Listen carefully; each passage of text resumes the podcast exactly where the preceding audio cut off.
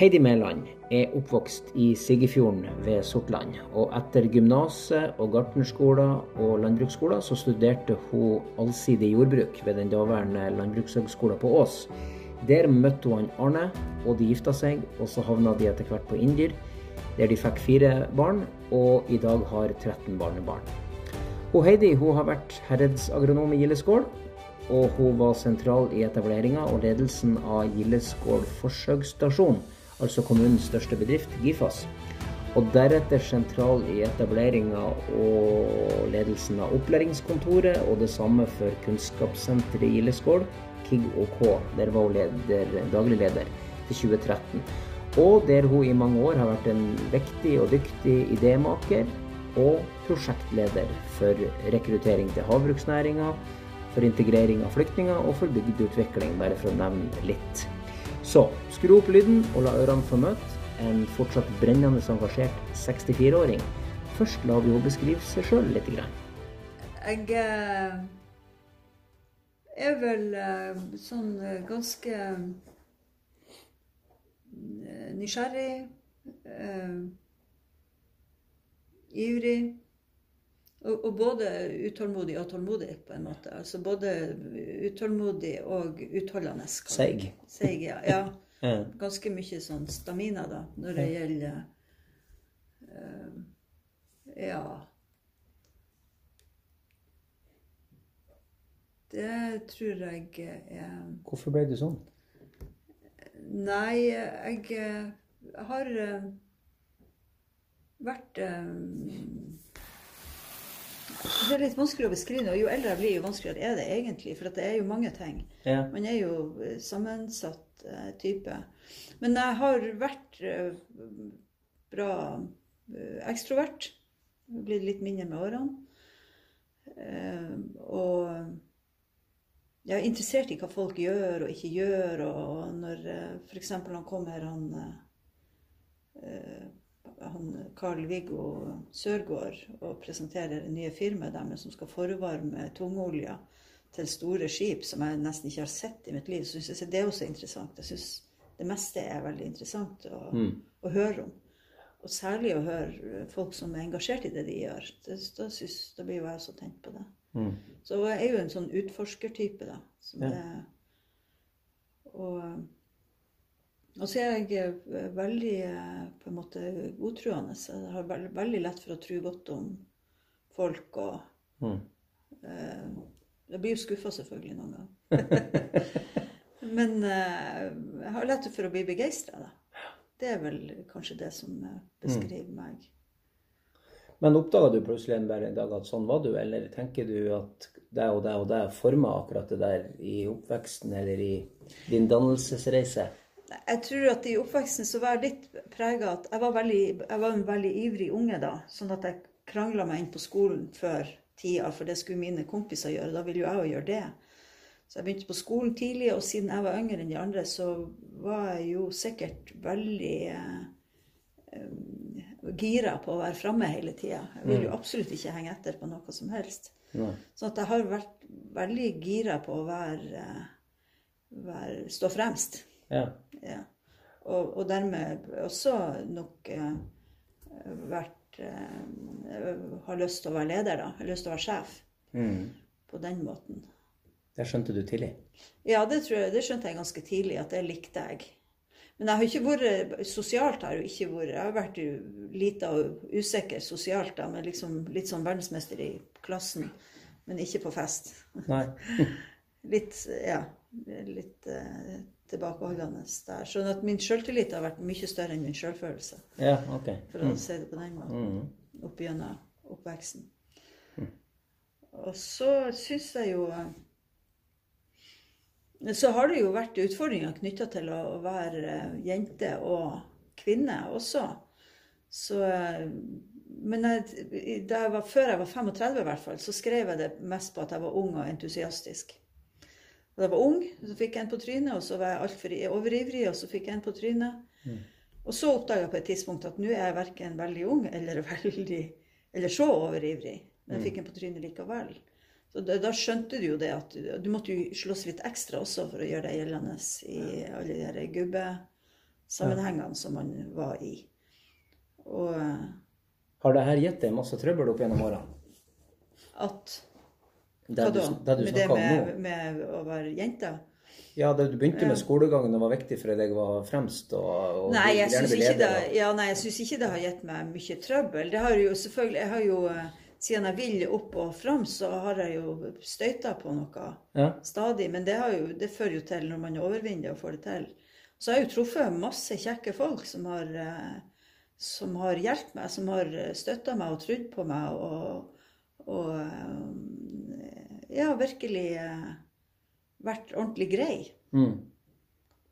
Eh, også i, på en måte, i the establishment.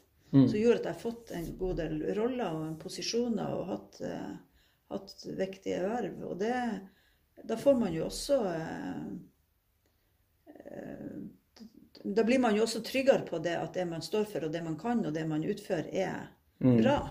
Men du, det er jo en del ting som er, som er enkelt i små lokalsamfunn, som er vanskelig i byene. Og så er det en del ting som er veldig enkelt i byer, som fort blir vanskelig i små lokalsamfunn.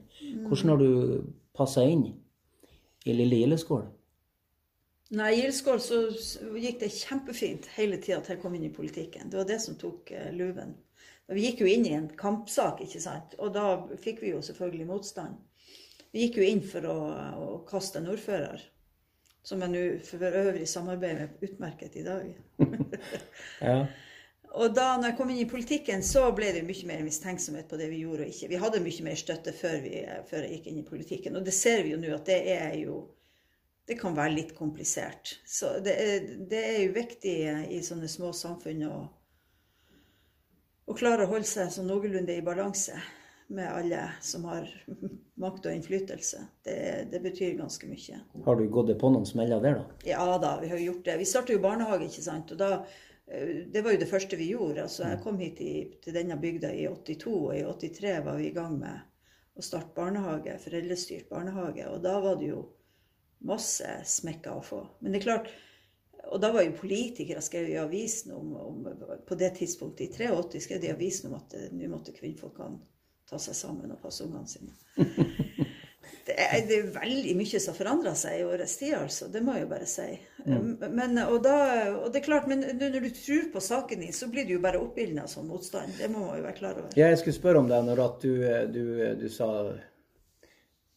Ja, det har jo blitt litt, litt Hva det heter det? heter litt motstand. Litt Du har vært borti mye og møtt på mye. Kanskje fordi at du er sånn som du er. Hvordan, som person, hvordan reagerer du når du opplever motgang?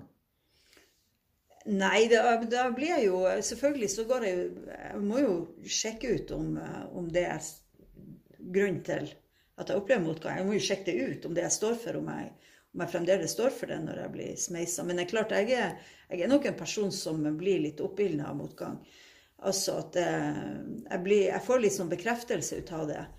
Eh, det er klart at motgang, motstand er jo beregna på å få deg til å gi deg på det du er. Men jeg kan ikke si at det, det er ikke så mange saker jeg kjører fram som jeg eh, syns er verdt å gi seg på. På grunn av litt motgang. Altså, jeg, jeg, jeg oppfatter vel, vel ganske mye motgang som at de er imot min, min idé. Og jeg, altså, jeg, tar det så, jeg tar det kanskje ikke sånn personlig, stort sett. Jeg tror at de er imot min idé, og min idé kan jeg jo kjøre argumenter på. Hvis de er imot den for at jeg er stygg eller dum sjøl, så er det jo ikke mye jeg kan gjøre. Men jeg oppfatter ikke eh, sånn type motgang som, eh, som personlig i den forstand at det, har nok, altså at det gjelder noe som jeg ikke kan forandre på. Da, da, bare, da kommer jeg med nye argument, eller jeg vrir meg om, eller jeg gjør et eller annet. Det, det, jeg, jeg tar det som en saklig greie. Det er derfor jeg ble kjempeforbløffa når jeg oppdaga at det var motgang som gikk på at jeg var kvinnfolk. Hæ? Hæ?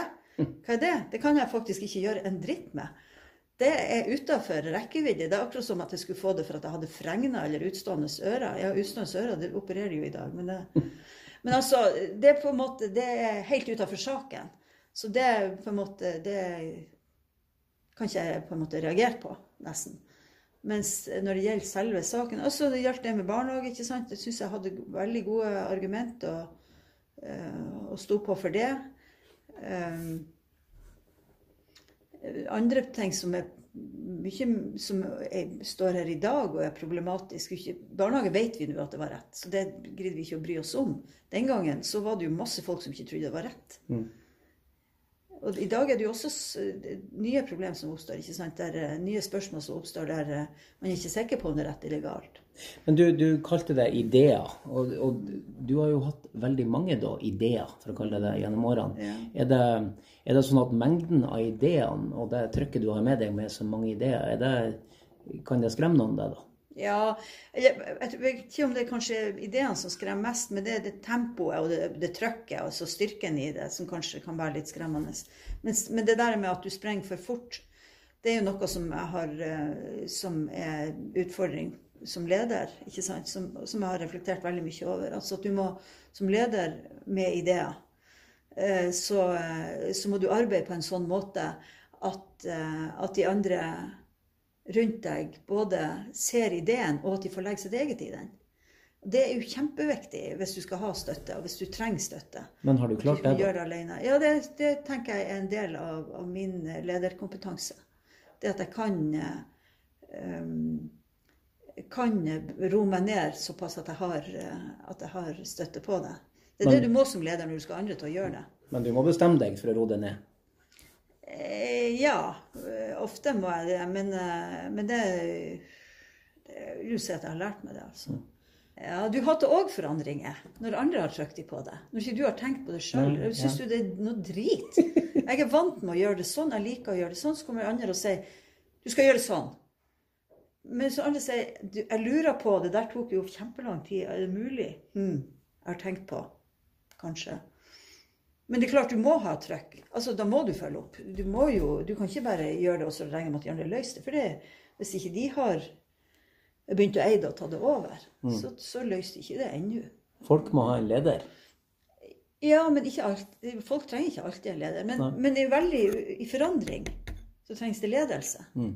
Det gjør det. Men det er ikke sikkert at de trenger én leder som gjør det. Det kan være mange ledere som du, du sa i stad at, um, at, du har møtt mange på din vei som, ja, som har villa det vel, og som mm. har likt både mm. måten du er på, og hva du gjør. Mm. Um, men hvordan, uh, hvordan, tror du at uh, Om ikke folk flest, men, men, men, folk flest som møter på deg og får kjennskap til deg, hvordan, hvordan vil de kunne finne på å beskrive deg, tror du? Jo, de, eh, de oppfatter meg som seriøs. og dyp. Eller eh, det det de har sagt. Altså, de oppfatter meg som seriøs og vi kødder ikke med Heidi. Og vi, hvis vi drar på besøk til Heidi, så må vi være opplagt og kunne snakke om noe. Det har jo irritert meg. For jeg kan jo også snakke smalltalk og bare sitte og strekke. Så jeg fikk besøk av en, en kar at vi har kjent hverandre i 20 år. Så kom han hjem til oss, og så satt jeg på loftet og strikka lester. Og ble han helt sjokkert. At jeg faktisk, Om jeg strikker lester? Ja, jeg strikker masse lester. Ja, det har jeg aldri trodd. Jeg trodde jeg sitter og skrev eh, interessante petitter og kronikker, eller eh, ja. så på veldig seriøst, eller leste faglitteratur eller noe. Så folk tenker at når de skal dra og drikke kaffe hos Heidi, da, da, må man rett og slett forberede seg? Ja, jeg vet ikke om det, ja, det, litt, litt, det har vært litt sånn, da. De syns at det er litt Ja. Men levde du, greit med det? levde du greit med det? Ja. Nå gjør jeg det. Mm. Ja. Det er jo litt kjedelig ikke sant, at, at folk syns at, at, jeg var så kre, på en måte krevende person. ikke sant, Jeg vil snakke om ordentlige, seriøse ting. Mm. Mm. Men jeg kan godt høre, hvis de andre vil si noe til meg, så kan jeg godt høre etter. Jeg kan det også. Mm. Du, eh, Forbinder du noe med ordet tankekaos? Ja, jeg vet godt hva det er. Lir, lir du av det, du, eller?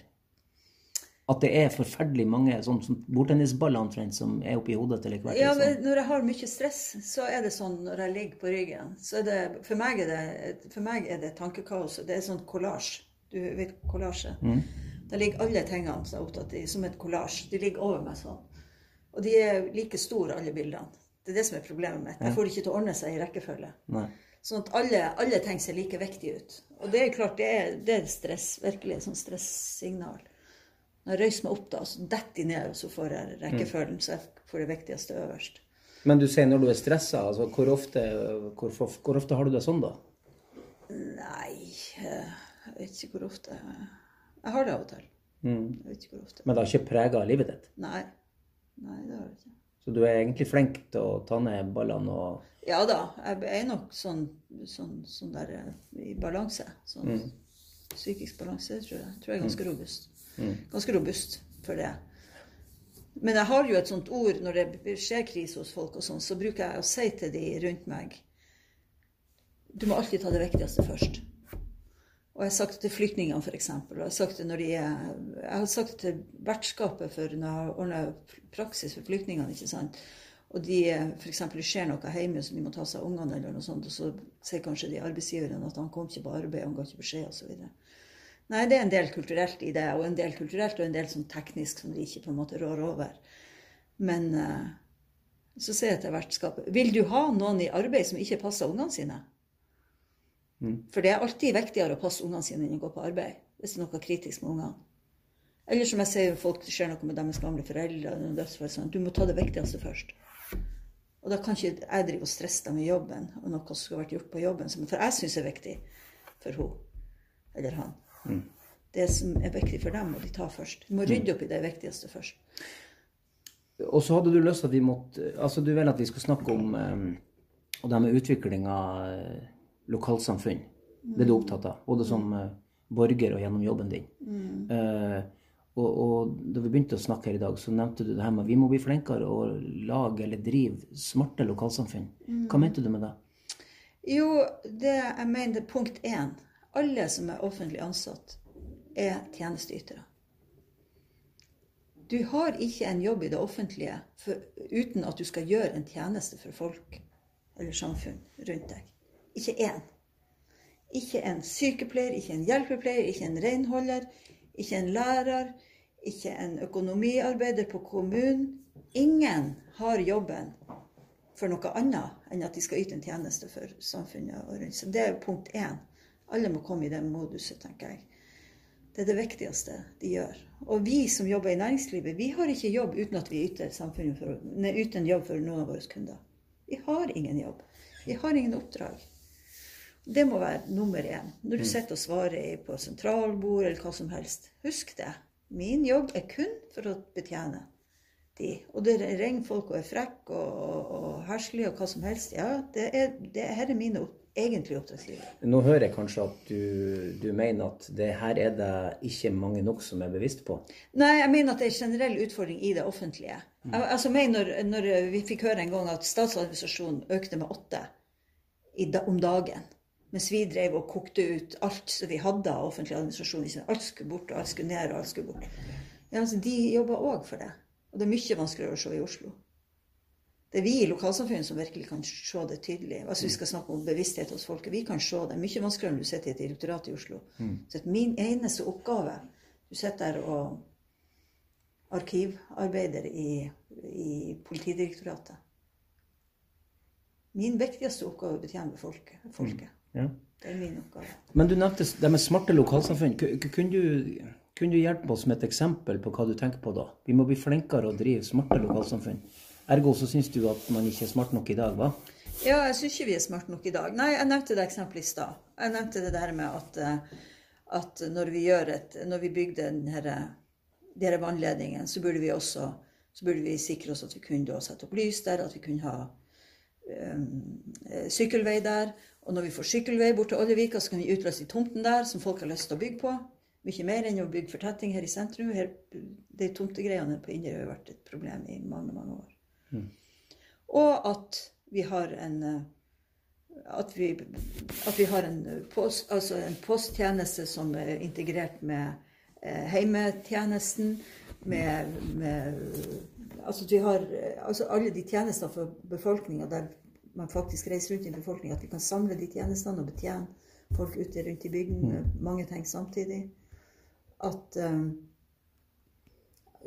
at vi jobber tettere med skole og samfunnet jobber tett. Skole og barnehage jobber tett. Her får vi ikke SFO om sommeren. Hvorfor ikke det når barnehagen åpner om sommeren? Altså mange ting, mange sånne tjenester som bør vi jobbe mye mer samla med og mye tettere med.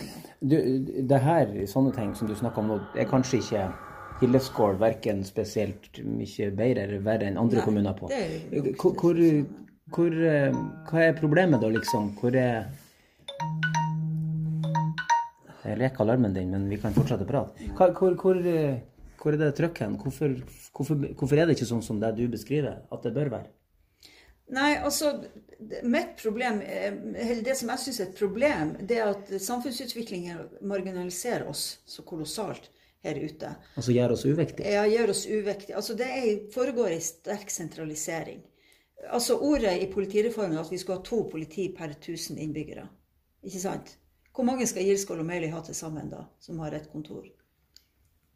Ja, det må du 16. 16. Ja, hvor er de henne? Hvor er de henne? Vi har tre eller fire, kanskje. Jo, de sitter i etterforskningsgrupper og sånn, og det er så komplisert og det er så innvikla osv. osv. Men det er veldig mange tjenester som vi ikke har, ser, vet. Eller det her eh, Torghatten og de der som ikke kunne samarbeide ut på, med den eh, transporten. Eh, Alle de ruteendringene vi har nå. Jeg har ikke løsninger på det her. Alle de ruteendringene vi har hatt på ferger og hurtigbåter denne våren og sommeren som har vært så hysterisk, og, og takster opp og takster ned og, og att og fram og rundt omkring. Jobber vi i lag, eller jobber vi hver for oss, alle sammen? Altså, Disse småsamfunnene har jo ikke råd til at alle disse etatene sitter med to-tre folk og ikke jobber i sammen. Burde jobbe mye mer integrert. Vi er to, I Gilskog er vi 2000 mennesker som betjenes med offentlige tjenester. Det er jo ingen. Det er ei blokk i Hongkong. Ja. Men er det færre kommuner du er ute etter? Nei, ikke nødvendigvis færre kommuner. Det en del av den kommuneadministrasjonen kan vi sikkert samle. Det er jeg helt overbevist om. Men vi trenger tjenester som er tilpassa våre små samfunn på en annen måte. Jeg har ikke Jeg vet ikke akkurat hvordan det skal løses. Jeg kunne tenkt på det i vekka, så skulle jeg kanskje ha foreslått noe. Men, eh, men jeg tror ikke, jeg tror ikke denne samlinga av kommuner løser noe særlig i det hele tatt. Det, jeg vet ikke en av de her sammenslåtte kommunene som har gått fram og sagt at vi har fått mindre administrasjon. De har jo fått distansert det enda mer ifra det, det de skal betjene, på en måte. Og blitt selvfølgelig eksperter på lover og regler, og ditt sånn, men de deler jo opp. Ikke sant? De er, de er enda mer Vi trenger overlappende tjenester og overlappende kompetanse. Vi trenger på tvers kompetanse hele tida. Vi trenger integreringskompetanse, samla kompetanse. Mens den sentraliseringa fører jo til spesialisering av kompetansen. Altså masse, masse spesialister. De kan vi jo ha på telefon. Det er jo ikke noe problem. Men det er klart å ha et Nav-kontor som vi nesten ikke kan besøke, eller ikke lov å ta nesten kontakt med en enkeltperson på et Nav-kontor når vi trenger de. Over halvparten av befolkninga har en Nav-kontakt, eller behov for Nav. Eller gjør noe med Nav. Enten det er foreldrepenger, eller det er barnetrygd, eller det er alderstrygd, eller det er sykepeng. Alle har jo av og til kontakt med Nav. De burde jo være superintegrert, så vi kunne løse problemet med oss. Og alt som spesialiteter om oppdeling av foreldrepengene i, i, i, på, på ukebasis osv., det kunne vi jo bruke noen spesialister til. De trenger jo ikke å være lokalt. Nei. De som er lokalt, de skal vite alle de andre lokale tjenestene som, som kan bygges sammen med denne, denne tjenesten. Du, jeg, jeg skjønner etter hvert hva du mener med at du er, du er opptatt av å utvikle lokalsamfunn, både som borger og som gjennom jobben din. Ehm, eh, det gikk vel Gikk det tapt en, eh, en ikke så verst nasjonalpolitiker i deg da, en gang tidligere for noen tiår siden? Nei, Gikk den tapt, den politikeren? Nei, jeg jeg er ikke nok partipolitisk interessert. Jeg, det er jeg ikke, altså. Det, det tror jeg jeg jeg, Nei. Nei, lokalpolitikk der jeg slipper å fronte de nasjonale, det går an. Ja. Og det var jo det vi laga. Vi laga jo et parti uten å fronte også. Men det er klart, lokalt så kunne jeg sikkert ha vært med i et parti. Men jeg ser jo folk samler seg jo enten etter gammel vane eller etter de de er- liker å være arbeid med. Og det forstår jeg veldig godt i lokalpolitikken. Og politikk er jo veldig mye politisk spill òg, sant? Ja, det er jo det spillet som jeg syns jo er Altså, det er jo, en, det er jo delvis en kamparena. og Det er jo en arena der folk får lov å si de stygge tingene som de ikke lar ungene få lov å si hjemme. Nei. Og der de kaller hverandre, og, og, og, og der det blir ofte mye viktigere enn saken. Og det, det syns jeg er et slit. Og der var aldri du, selv om du, du var opptatt av å stå fremst. Jeg var sikkert gift, jeg også. Eh, når, eh, men jeg prøvde jo da jeg prøvde jo å holde meg til sak. Jeg var jo varaordfører. Så det, var, det, gikk jo det gikk bra. Men du, ut fra det her med engasjementet ditt og alt du har mening om, så er du blitt 64 år, og så har jo du en, en lang vei igjen både som engasjert borger og, og som yrkesaktiv. Men jeg, med tanke på alt det engasjementet, er det en slags tristhet i at, at ja, du blir jo eldre. Ja. Ja, jeg har Eller? ikke fått en dag mer enn de andre. ja, det er, det er trist. Det tror jeg eh, alle som er ærlige må kjenne på det, at det er litt trist. Mm. Og, eh, og tenke på at du har mindre tid framfor deg enn du har bak deg. Mm. Det er det. Um, det som oppveier det triste, det er jo at du har uh, At man kan mer og forstår mer og er på en måte litt roligere. Mm. Tross alt. Selv om du hører jeg er ivrig, jeg, synes jeg får opp tempoet, det er ikke det. Mm. Men er litt uh, uh, Jeg syns jeg forandrer meg på at jeg er litt uh, Når jeg oppdager at folk er frustrert eller sinte, sånn, så er det mye lettere for meg å se hvor, hvor det ligger. Og, og liksom ikke melde meg så fort som før. Så det er sånn jeg tenker at jeg blir litt mer introvert enn jeg var. Jeg trenger ikke å melde meg så fort, og jeg kan være litt roligere. Jeg har, jeg har intervjua gjennom årene eh, relativt mange eh, som har stått i arbeid veldig lenge, og som er atskillig eldre enn du er nå. Og så eh, Jeg spør ofte hva slags eh, eh, Hva slags drømmer gikk tapt underveis. Man, vi får jo ikke muligheten eh, eh, I hvert fall tror ikke jeg det, at man får muligheten til å prøve på nytt igjen. Man har nå det her livet. Eh, hva slags drømmer var det som gikk tapt underveis eh, hos deg i ditt liv? det, det vet jeg ikke hva jeg skal si til. Altså, det er jo eh, Du kan si at det er det at du har valgt et liv med en familie, mange unger og på landet osv. Det jeg har jo eh, forhindra meg i det, det har jo gjort at jeg ikke har gjort karriere sånn som mange gjør. Altså, jeg har, jeg har, eh, jeg har brukt de mulighetene som jeg har hatt lokalt, og valgt det. Og det vil si at jeg ikke kunne gått på noen andre muligheter som jeg har sett mer sentralt, for at jeg har ønska å bo her. Og siden jeg har ønska å bo her, så er det en del, eh, en del muligheter som jeg ikke har kunnet forfølgt. Så den der eh, dagen, eh, den tida da du f.eks. er tilbake i tidlig 20-årene, og du hadde bestemt deg for eh, Allerede var godt i gang med det her med utdanning innenfor landbruk, og det som skulle føre til en jobb som herredsagronom etter hvert. Eh, da var du, definerte du deg på et tidspunkt som at ja, jeg skal gjøre karriere, jeg skal oppnå noe? Nei, nei, det tenkte jeg ikke. Nei. Nei, det tenkte jeg virkelig ikke. Jeg må jo si at jeg har vært kjempefornøyd med det jeg har gjort. Jeg ble veldig fornøyd. Jeg var fornøyd med å være herresagronom. Jeg var fornøyd med å jobbe alene, bortsett fra at jeg sprang rundt og kikka meg i speilet, for det var så lite folk der. og så Du måtte se det i speilet Jeg for å få se i speilet for respons, ja. En hyggelig telefon med noe artig der. Så jeg, ble så glad. Så ender jeg framfor et speil hver gang. Ja. Der skjønte jeg at jeg- du er for ekstrovert å sitte alene på kontoret. Så sto jeg der og gliste litt sånn. Hæ, hva du gjør her? Så gikk jeg og satte meg litt sånn urolig, og så fortsatte jeg. Du, eh, du har et eh, langt yrkesliv som mye godt har vært prega av at du, du jobber med prosjekter. Prosjekt for prosjekt. Og, eh, eh, og, og settinga er jo et liv i ildeskål. Hvis du blir tvungen til å framheve noe, hva er det viktigste prosjektet? Hva er de viktige, viktigste prosjektene? eh, som du mener er, Hva som er viktigst å gjennomføre av prosjekter? liksom? Det som har vært viktigst, er det rekrutteringsarbeidet. Nå går det litt sånn av seg Du må si litt mer om det. Hva er rekrutteringsarbeidet Av ungdom. Rekruttering av ungdom til marin sektor og til å bo i sånne lokalsamfunn. Til å bo i sånne småsamfunn. Det har vært viktigst. Ja, for du tenker ikke rekruttering til havbruk ennå ene alene, men det, Nei, det er snakk om rekruttering til et lokalsamfunn? Ja, rekruttering til lokalsamfunn. Det å arbeide med barn og unge og presentere dem for, eh, for eh, det arbeidet de kan gjøre her, og den levemåten de kan ha. Måten de kan leve på her. Hvorfor, er, hvorfor framhever du det når jeg ber deg om å si det viktigste? Jo, det er fordi at jeg tror det er et, Det er jo selvfølgelig for at jeg setter veldig pris på det sjøl. Jeg syns det er fint å bo i sånne samfunn. Jeg syns at vi har store muligheter, selv om vi òg har utfordringer. Jeg syns det er bra.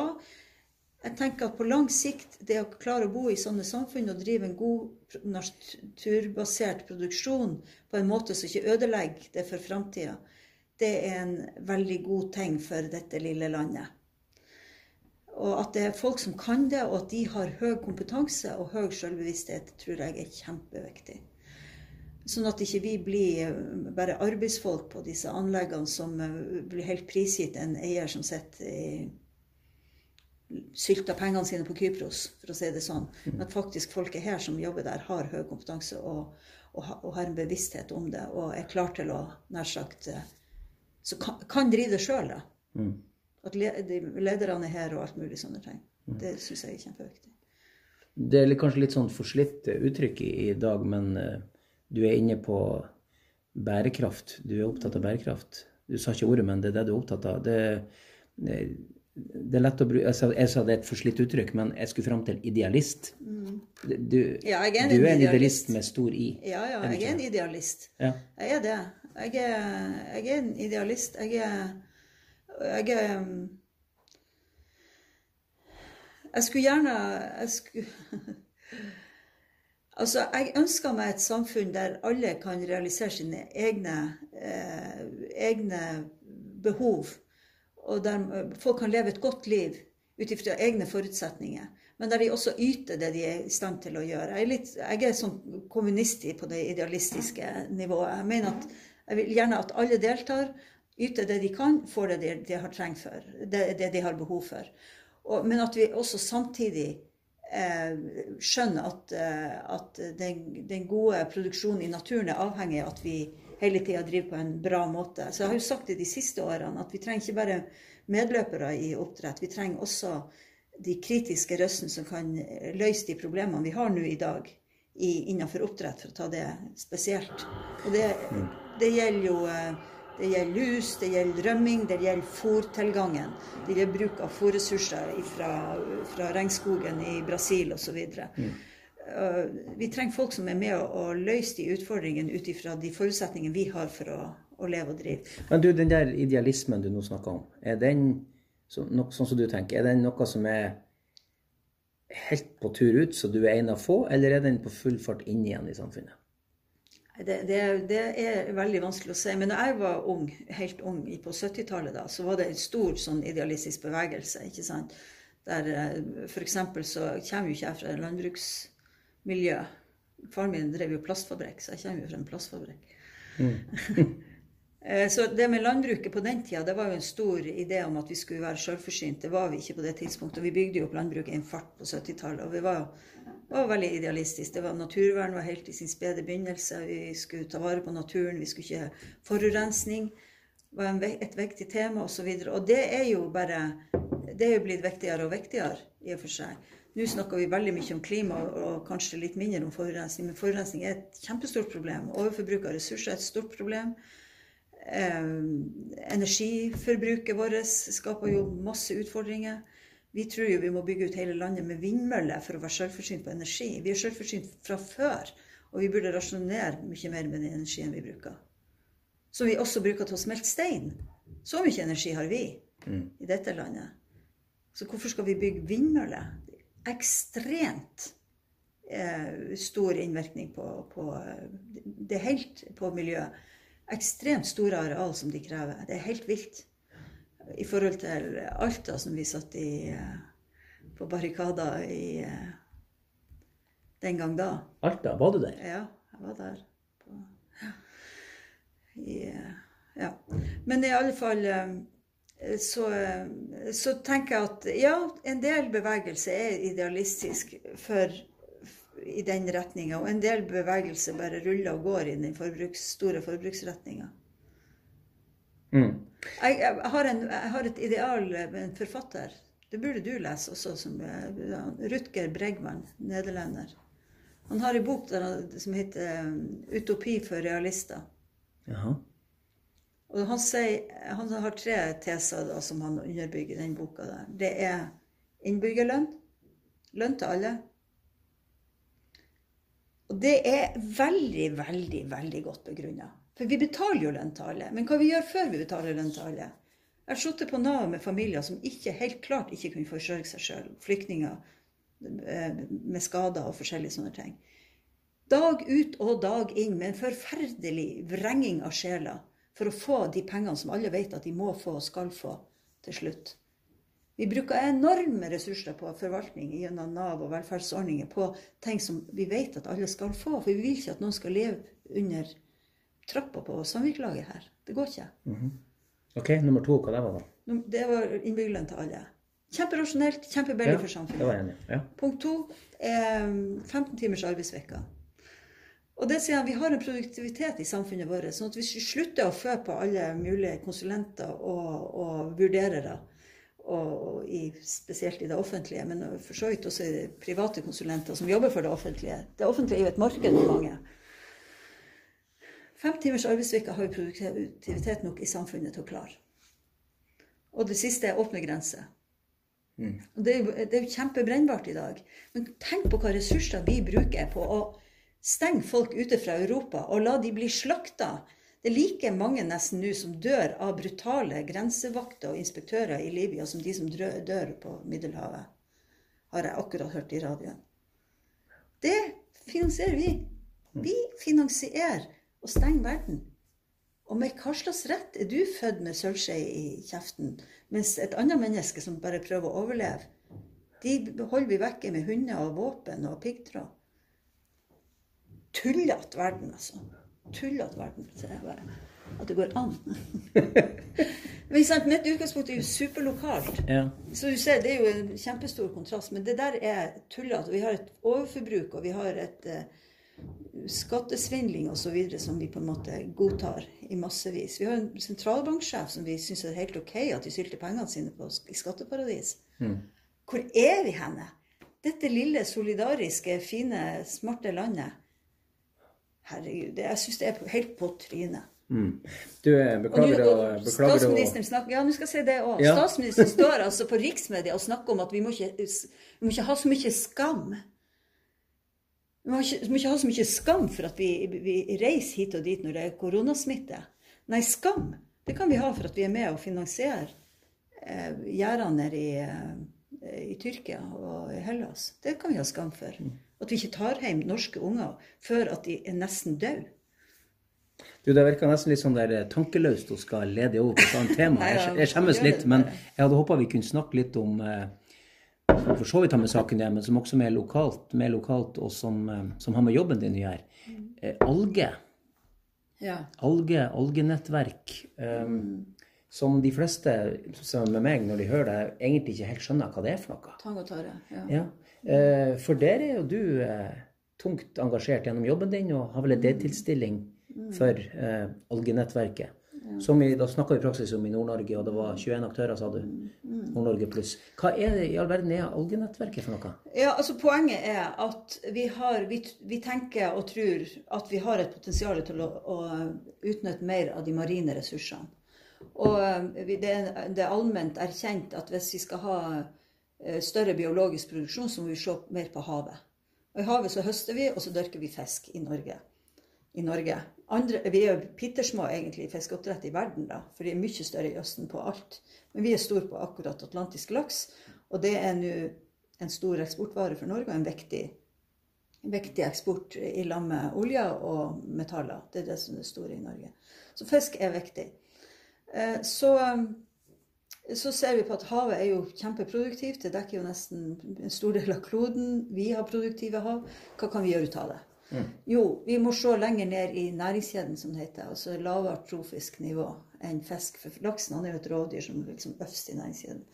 Se lenger ned. Hva kan vi gjøre ut av det? Og folk er jo opptatt av å sanke plankton og krill og, og forskjellige sånne ting. Og, og da har man også sett på dette med det planter som vokser i havet. Egentlig, alger er egentlig ikke en plante. I relativt store mengder, kan vi si. I store mengder. Sånn at i Norge i dag så høstes det en del. Det høstes en eh, 150 000-200 000 tonn eh, til eh, stortare spesielt, som har en veldig verdifullt alginat. Som det er én bedrift som driver med. Eh, alginat, ja. Ja, det er det Ja. alginatet. ja. Eh, sagt på godt norsk så brukes denne tangen og taren til hva for noe?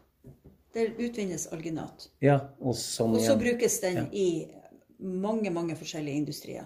Okay. Mange forskjellige industrier som et eh, gelende stoff som kan lage gel overalt der man trenger gel. Jeg tror det brukes i, i eh, tannkrem og maling og næringsmidler og tekstiltrykk og ja, kjempemange områder. Mat. Virkelig. Ja, og i mat. Nær, næringsmidler. Mm, ja. Så alginat er et veldig verdifullt eh, gelende okay, okay. stoff som man trenger i teknisk industri. Det Mm. brukes i en kjempebred sektor i teknisk industri. Så alg eh, algenettverket som du da eh, koordinerer og leder, eh, ser ei stor framtid for seg sjøl?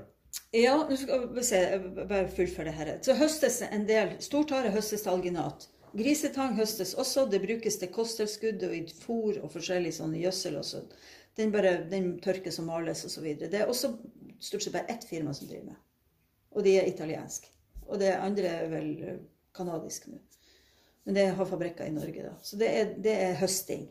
Men så ser man ja, men når det kan høste så mye, kanskje vi ikke skal høste mer, for da tar vi den naturlige tareskogen som er habitat for fisk og yngel og alt mulig sånt. Så det er sannsynlig at når vi lager en forvaltningsplan for høsting over landet, så får de ikke høste noe mer. Ok, der er grensa. Men verden trenger mer. Det vet man. Det er et stort marked, det er godt betalt osv. Kan vi dyrke det? Så prøver man å dyrke eh, til anvendelser som Så prøv, jeg begynte å dyrke, ikke sant. Og begynte å prøve, lage småplanter, sette de på tau, sette de ut og drive med eksperiment. Så det er mange bedrifter som har begynt med det. Og, og nettverket er da en sammenslutning av bedrifter, først og fremst her nord, som er interessert i å få det til å bli industri. Men hvor stort skal det her bli? Og vi tenker jo veldig fort på Nei, arbeids jo- arbeidsplasser ved Ja, ja. omsetning og sånn. Jeg sa jo 20 millioner, eller to, nei, 20 millioner tonn. Og nye arbeidsplasser. Ja. ja, og arbeidsplasser. Mm. Trengs det mye folk i den bransjen? Ja, en del. Men, men poenget, Edmund, det der med arbeidsplasser Jeg skjønner ikke hvorfor alle snakker så veldig mye om arbeidsplasser. Vi mangler jo folk, først og fremst. Vi mangler jo ikke arbeidsplasser. Nei. Nei, vi er jo short på folk nesten overalt. Men arbeidsplasser vil det bli, ja. Det vil bli en mulighet. Men vi blir færre folk. Vi er for lite folk, stort sett.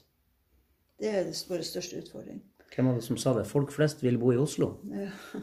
Det var kanskje du som sa det til meg? Ja, det ser sånn ut. Ja, det ser jo sånn ut. Altså, vi leser statistikk. Mm. Så vi taper jo folk alle. Vi holdt det jo ganske vi holdt det jo gående når vi tok imot flyktninger. Bodø taper folk uten flyktninger. Og i denne sammenhengen så er det litt meningsløst kanskje å se på noe mindre enheter enn landsdel, eller i hvert fall fylke og by, region. Men, men vi sitter jo i lille Gildeskål. Hva, hva, hva slags framtid ser du for deg eh, for lille Gildeskål? Nei, snakker vi Alga, eller? Og det bare plutselig opp på befolkning og Ja, noen Nei, nei, altså jeg, jeg, jeg tror jo jeg skal si? Jeg tror jo det vil være attraktivt for de som bor Jeg tror vi er holdt på å nærme oss ei sånn lavere grense. Mange bygder gjør jo det når de mister butikken, f.eks. De har allerede mista skolen, og så mister de butikken. Men, eh, men det har vi jo trodd veldig mange perioder, da. Men eh, det, det er jo det er lettere å flytte arbeid enn det har vært å ta med seg arbeid osv. Så, videre. så det er lettere å bo. Men vi snakka om det for 20 år siden også, at det er å bo som er kjerna. Hvis du vil bo en plass, så kan du også ta med deg et arbeid. Mange slags arbeid kan du ta med deg hvis du vil bo. Så det er folk vi mangler. Så jeg tror vi må gå først og fremst etter folk og få folk til å få lyst til å bo. Så bolyst tenker jeg er nummer én. Det, det mangler ikke arbeidsplasser. Det mangler folk. Mangler folk. Og så kan man jo selvfølgelig diskutere er arbeidsplassene gode nok. Er det god nok ledelse? Har de det, er, de, er det riktige type arbeid? Det er klart en del arbeid vi ikke Vi kommer ikke til å få direktorater ut til, til Gibos, nei, til, til Gildeskål og, og Meløy. Direktorater får vi ikke. Men jeg sa det når vi holdt på med, når vi holdt på med kommunesammenslåing siste gangen vi holdt på seriøst med det og prøvde å lage en kommune i Salten. Det var to ting de ikke tok fatt i som kanskje kunne ha vært en liten nøkkel. Når vi skulle slå sammen kommuner, så måtte vi alle forvente at kommunehusene våre røk, men ikke sykehjemmene og skolene, for det bodde jo folk der ennå. Men kommunehusene er jo ganske store, da. Store arbeidsplasser uansett. Men den administrasjonen vil ryke. Så det er to ting de ikke tok fatt i. Før dere løser dette med fordeling av kraftinntekter, som er viktig for kommunene, og fordeling av forvaltningsoppgavene, så får ikke vi det til. Og vi får ikke gjort noe fornuftig med det. For hvis det ligger i kortene at alt av forvaltning skal flyte til Bodø, og at, eh, at på en måte der ligger forvaltninga, og de skal forvalte alle våre felles kraftinntekter det vil, det, eh, Ennå så setter kommunene seg imot det. Mm. Ikke sant? Ikke engang Sørfold og Fauske har slått seg sammen. Som jo ligger er mil mellom kommunesentrene. Alle vi andre ligger jo så spredd. Mm. Så Men jeg skulle spørre deg om det med rekruttering, fordi at uh, de som er vanlig å se på som framtida, dvs. Si de unge, de jobber jo du med. Og de jobber med rekruttering. Dere jobber med rekruttering uh, for havbruksnæringa. Og der lykkes dere jo tilsynelatende veldig godt med. Så de unge, de vil jo å bo De vil ha de her jobbene. De vil bo uh, her. ja, det, er kjempeinteressant. I oppdrett så rekrutterer vi masse norsk ungdom. Mm. Veldig bra. Og det tror jeg er det, Vi har jobba med det, og, og kanskje flere, og eh, økonomien i næringa er bra. Og det betyr at det, blir, det oppfattes som ei framtid. De har en go godt arbeid der, og da de vil bygge seg hus eller kjøpe seg leilighet eller vil komme seg i gang. Det ser jeg at Sånn virker det på de unge. da. Sånn at, eh, men hvis, men eh, hvis folk vil bo, hvis det er attraktivt å bo her, hvis skolene er bra, barnehagen er super, og det er et godt sosialt liv, det er et foreningsliv osv. Som, som gjør at det er aktivitet her, så kan vi risikere at folk også kommer hit med, med jobben sin, det er det de ellers kan gjøre. Og hvis vi hadde organisert oss sånn i, i regionen her at forvaltninga som ikke folk trengte å besøke, og det er færre og færre forvaltningskontor du må gå inn på nå, de fleste slipper du ikke inn i, så kunne man hatt fordelt det utover hele regionen. Hvis man ønsker. Lager litt mindre press i Bodø, litt mer skapelige priser på leilighet osv. i Bodø, som ligger nesten høgst i landet. ikke sant? Og så kunne vi ha hatt forskjellige forvaltningsenheter som gjorde at den biologen eller den, den eh, fagarbeideren i oppdrett også kunne ha en ektefelle som jobba med noe helt annet. Som gjorde at deres familie også ble litt sånn eh, spennende. Vi hadde flere ting å snakke om. At ikke alle var livegen på den her, eh, det ene bedriften. Mm. Du, eh, den dagen du er liksom ute av nyhetsstrømmen, for å si det sånn, du ikke står midt i begivenhetenes sentrum i de, de tingene du driver på med, hva er du opptatt av ettermælet? Hva, hva du skal bli huska for, eller hva folk skal si om deg sånn i etterkant? Ettermælet? nei, det tenker jeg ikke noe på. Nei, ok, men la meg tvinge deg til å mene noe om det, da. Hva, hva, er det, hva er det viktig for deg at folk eh, sier om deg, og husker det for? Nei, det Jeg liker jo at selvfølgelig at folk eh, Jeg liker jo at folk snakker om meg som eh, Hva jeg si Troverdig. Og eh, Troverdig og flettig og arbeidsom og sånn. Jeg har jo de der idealene, jeg også. Som, at, eh, at jeg gjorde, gjorde rett for meg her, Mm. der jeg var. Det, det vil jeg jo gjerne at folk skal synes. Er det det viktigste et, et arbeidende menneske kan ønske å oppnå i, i løpet av en yrkeskarriere eller i løpet av et liv? Ja Det gjorde rett for meg der jeg var. Ja, det syns jeg er ganske Ja, det syns jeg er viktig. Jeg prøver å tenke, tenke på det at det må gjelde uansett hva du gjorde. Altså om du jobber med Jobber som elektriker, så vil jeg jo kanskje huske at ja, gjorde et bra arbeid og var stolt på og var flink. Det må være kjempeettermæle. Mm. Jeg leste om eh, bak i slekta mi om en omtale i, De kom jo fra Stryn. Og der sto det om han eh, Anders Mæland. Han var både rådrukken og munndjerv. Rådrukken er ikke jeg blitt, men munndjerv, det kunne jeg jo Ja.